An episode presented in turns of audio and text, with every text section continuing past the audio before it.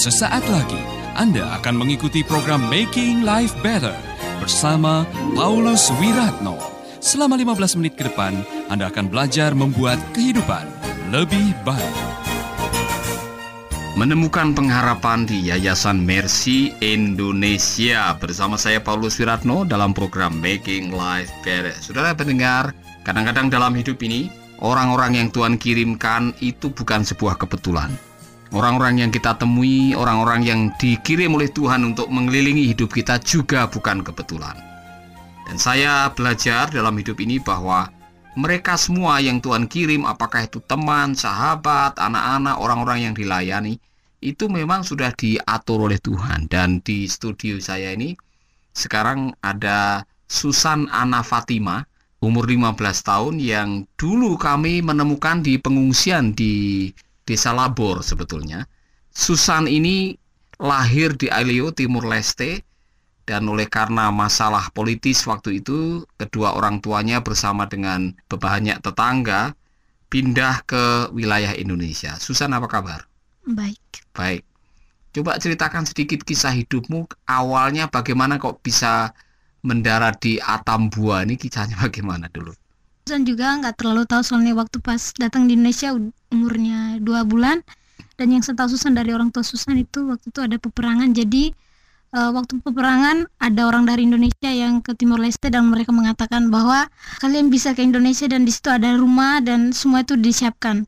Jadi kita semua dengan keluarga dan semua tetangga-tetangga lain kita datang di Indonesia kita ingin uh, melihat apa yang mereka katakan itu benar atau tidak dan ternyata saat kita datang di Indonesia semua itu mereka mereka bohong dan itu tidak ada sama sekali dan kita harus mengungsi dan uh, kita harus bekerja sendiri untuk menghidupkan hidup kita. Menurut cerita ayah kamu waktu kamu masuk ke Indonesia tidak mendapatkan rumah seperti yang dijanjikan oleh mereka, tapi kamu tinggal di mana waktu itu? Uh, yang setahu saya waktu itu di tenda itu di bawah pohon yaitu kita tinggal di situ selama beberapa bulan jadi kamu tinggal di bawah pohon selama berapa bulan dan kamu pasti banyak yang tidak ingatnya karena waktu itu kamu umur dua bulan ya. kemudian saya masih ingat saya ketemu kamu pertama kali mungkin di camp pengungsian di desa Labor waktu itu ya, ya. gambarkan situasi hidup kamu masa kecil waktu kamu masih di camp pengungsian, apa saja yang kamu alami di situ? Uh, waktu masih di sana itu, itu hidup sangat susah karena itu juga kita baru pertama datang di Indonesia dan kita tidak tahu di mana kita harus bekerja untuk mendapatkan makanan atau apa pun itu. Dan di tetangga kita kita tidak mengenal satu sama lain karena kita semuanya terpisah. Uh, untuk sekolah juga sangat susah karena di situ belum ada sekolah. Um, waktu di sana memang uh, kesulitannya kita itu untuk mendapatkan makanan, sekolah dan uh, untuk mendapatkan keluarga-keluarga kita yang udah terpisah itu sangat susah untuk dapatkan karena kita semua itu uh, terpencar. Jadi kamu susah makan, susah sekolah, terpisah-pisah karena perang itu ya. Yeah. Jadi perang saudara yang terjadi di Timor Leste karena ada independen itu. Nah, kamu waktu masih di camp pengungsian sehari makan berapa kali dan makan apa itu waktu itu? ada makan tiga kali sehari tetap tapi itu karena kita baru pertama kali datang dan ada tetangga yang mereka kenal sama kita kenal baik. Jadi mereka setiap hari uh, memberikan makanan karena kita juga uh, nggak punya apa-apa jadi mereka kasih makanan buat kita. Kamu berapa bersaudara waktu itu sampai di Atambua? Uh, dua. Dua? Iya. Dua. Jadi inilah Susan yang punya kisah menarik sementara tinggal di camp pengungsian waktu itu dan saya ketemu di uh, camp pengungsian di Labor yang memang rumahnya kayak gubuk-gubuk dari ilalang ya, dari bebak. Yeah.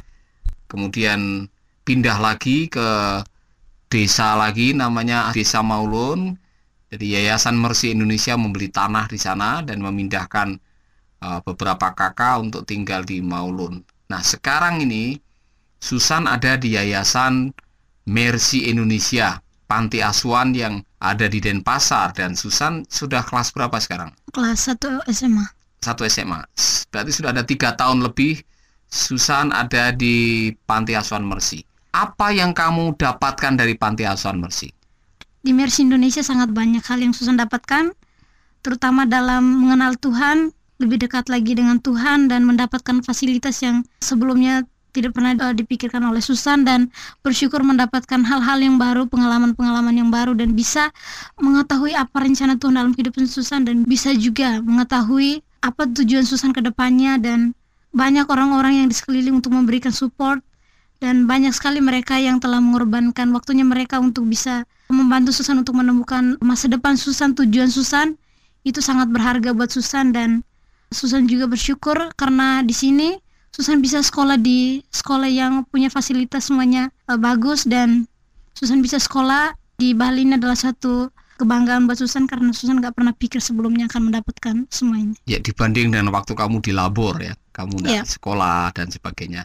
Tadi kamu mengatakan kamu belajar hal-hal yang baru, sesuatu yang baru. Contohnya apa coba? Yang kamu merasa, waduh, saya bersyukur nih di Mercy Indonesia saya bisa belajar hal ini. Contohnya kayak apa? Eh, contohnya tuh seperti biasanya tamu dari luar negeri itu datang dan mereka tuh selalu ngomong bahasa Inggris dan waktu kelas 1 SMP Susan nggak tahu bahasa Inggris sama sekali dan sekarang Susan bersyukur Susan bisa tahu buat tentang bahasa Inggris dan bisa ngomong itu adalah suatu kebanggaan buat Susan karena Susan bisa tahu bahasa Inggris. Dan tadi kamu menemukan tujuan hidup kamu menyebutkan itu. Di Mercy Indonesia kamu menemukan tujuan hidup. Apa tujuan hidup kamu? Cita-cita kamu apa nanti? Cita-cita saya adalah menjadi seorang pendeta dan tujuan saya adalah eh, karena Mercy Indonesia telah menolong saya, jadi saya punya beban untuk bisa membantu orang-orang yang kurang mampu di luar sana dan bisa eh, memberitakan Tuhan kepada semua orang yang belum mengenal Tuhan. Anda masih bersama Paulus Wiratno di Making Life Better. Kamu masih ingat gak teman-teman kamu di desa labor, di pengungsian atau di Maulun yang menurut kamu kasihan dan mereka sebetulnya perlu uluran tangan karena mereka tidak sekolah. Mas- Masih ingat nama-nama mereka yang teman-teman dulu satu umur dengan kamu? Masih ingat? Masih. Kalau sekarang teman-temanmu sedang mendengar Making Life Better ini lewat radio kita yang ada di sana, kamu bisa menyalami mereka ndak sebut namanya coba. Eh, bisa. Coba. Salam buat Justan, Aurian, Ekin dan juga Salomo. Apa nasihat kamu buat mereka? Eh, nasihat buat mereka tetap berjuang karena walaupun dengan kondisi seperti ini eh, masa depan kalian gak akan pernah hilang karena saat kalian berjuang pasti kalian akan mendapatkan apa yang kalian inginkan. Bisa ndak kalian memberikan semacam himbauan kepada pendengar kita yang lain bahwa masih banyak teman-teman kamu yang ndak bisa sekolah seperti kamu dan siapa yang mungkin bisa terketuk hatinya bisa menolong mereka. Eh, bagi saudara-saudara atau bapak ibu sekalian yang mendengarkan Making life. Making better. Life Better ini kalau di antara saudara yang merasa terbeban masih ada uh, saudara-saudara saya yang ada di kampung yang mereka nggak bisa seperti saya di sini yang sekolahnya sangat jauh dan mereka juga sangat susah untuk mendapatkan masa depan seperti saya mereka tidak menemukan tujuan hidup mereka dan juga tidak mengenal Tuhan jadi bagi saudara-saudara yang ingin membantu untuk menolong mereka menemukan masa depan mereka tolong Bantulah bantu Mercy Indonesia. bantulah Mercy- melalui Mercy Indonesia supaya mereka bisa tertolong. Susan mungkin juga orang yang menjadi sponsor kamu sedang mendengarkan program ini. Orang yang selama ini mensponsori kamu bisa sekolah, bisa punya pakaian yang baru, bisa mengenal Tuhan karena ada tangan-tangan yang tidak terlihat yang selama ini telah menolong kita, menolong Yayasan Mercy di seluruh Indonesia bukan hanya di Denpasar. Kamu bisa tidak mewakili teman-teman ini kamu berterima kasih kepada mereka? Terima kasih kepada seluruh pihak yang telah menolong kami di Mercy Indonesia. Terima kasih karena telah memberikan waktunya. Terima kasih karena telah eh, membantu kami dalam uang. Kami juga bersyukur karena di sini melalui ibu bapak semua kami bisa sekolah. Semua kebutuhan kami semua tercukupi itu semua kami tahu itu karena ibu bapak sekalian dan kami kami mungkin tidak bisa membantu atau membalas semua kebaikan ibu bapak sekalian tapi satu hal yang kami ingin sampaikan bahwa kami akan selalu berdoa dan minta kepada Tuhan agar selalu memberkati apa pun yang dilakukan oleh Bapak Ibu Saudara sekalian bisa berhasil dan selalu diberkati Tuhan. Saudara pendengar, kita baru saja mendengarkan langsung dari Susan yang menceritakan bagaimana Mercy Indonesia telah punya dampak transformasi seorang anak yang tinggal di pengungsian oleh karena keadaan dan melalui pelayanan Yayasan Mercy Indonesia ia menemukan tujuan hidupnya, ia menemukan Tuhannya dan ia menemukan panggilannya. Dan ini adalah luar biasa sekali. Susan terima kasih kamu sudah bisa sharing di program Making Life Better dan saya mau mengetuk semua sahabat-sahabat pendengar yang barangkali saudara diberi kelimpahan oleh Tuhan, diberi kelebihan oleh Tuhan. Mungkin bukan hanya sekedar materi tapi hal-hal yang lain, kemampuan, keahlian, skill, keterampilan yang bisa dibagikan. Hidup ini akan menjadi lebih indah kalau kita bisa berbagi. Kebahagiaan itu kita temukan pada waktu kita bisa membahagiakan orang lain. Alkitab mengajarkan kepada kita bahwa berbuat baik untuk kaum yang lemah itu meminutangi Tuhan. Dengar baik-baik, saudara. Kebaikan yang kita berikan untuk mereka yang membutuhkan itu seperti kita sedang membuat Tuhan berhutang. Dan kalau Tuhan yang berhutang, dia tidak pernah ngemplang, kata orang Jawa. Dia selalu bayar, dia selalu menepati janjinya, dia selalu memberikan ganjaran. Dan ganjarannya luar biasa. Kalau saudara membaca di dalam Mazmur pasal yang ke-41, saudara akan menemukan sebuah kebenaran yang luar biasa. Kebenaran yang jarang diperhatikan, tapi ayat-ayat ini merupakan janji Tuhan. Mazmur pasal yang ke-41 ayat 2 dan selanjutnya. Berbahagialah orang yang memperhatikan orang lemah. Tuhan akan meluputkan dia pada waktu celaka. Tuhan akan melindungi dia dan memelihara nyawanya, sehingga ia disebut berbahagia di bumi. Engkau takkan membiarkan dia dipermainkan musuhnya. Ini janji Tuhan. Kalau kita membantu mereka yang lemah, maka Tuhan akan membebaskan, meluputkan kita dari celaka, melindungi kita, membela dari musuh kita, dan Tuhan akan membuat kita bahagia. Jadi, kalau mau kita bahagia, maka bikinlah orang lain bahagia. Tolonglah orang yang lemah, berbagi dengan yang kekurangan, menyantuni anak yatim piatu, memberikan kata dorongan kepada mereka yang sedang tawar hati, apa saja yang kita bisa lakukan untuk menolong mereka, untuk memberkati mereka, untuk menguatkan mereka, akan diganjar oleh Tuhan. Amin, saudaraku. Makanya jangan jemu-jemu berbuat baik. Tidak mesti harus dengan uang. Kita bisa berbuat baik dengan apa saja. Yang paling murah ialah berbuatlah baik dengan senyuman. Senyum yang terbaik setiap hari kepada orang yang Anda temui.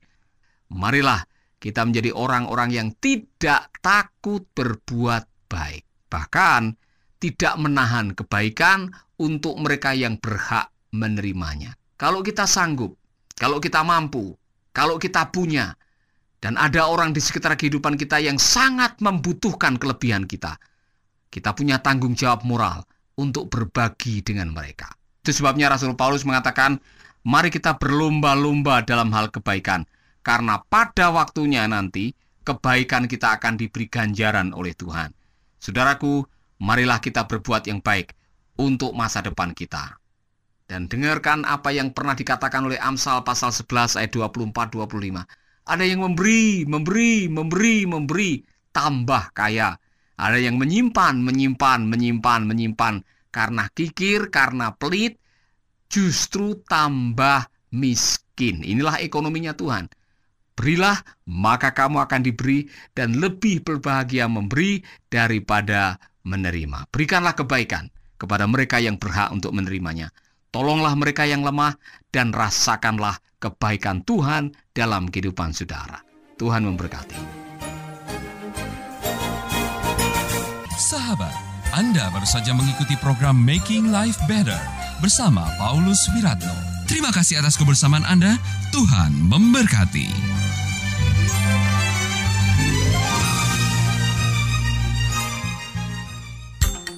Kabar gembira bagi sahabat pecinta program Making Life Better dan Kata Bijak, mulai sekarang sahabat bisa mendengarkan program ini melalui handphone sahabat. Download sekarang juga aplikasi Making Life Better melalui Play Store atau App Store secara gratis.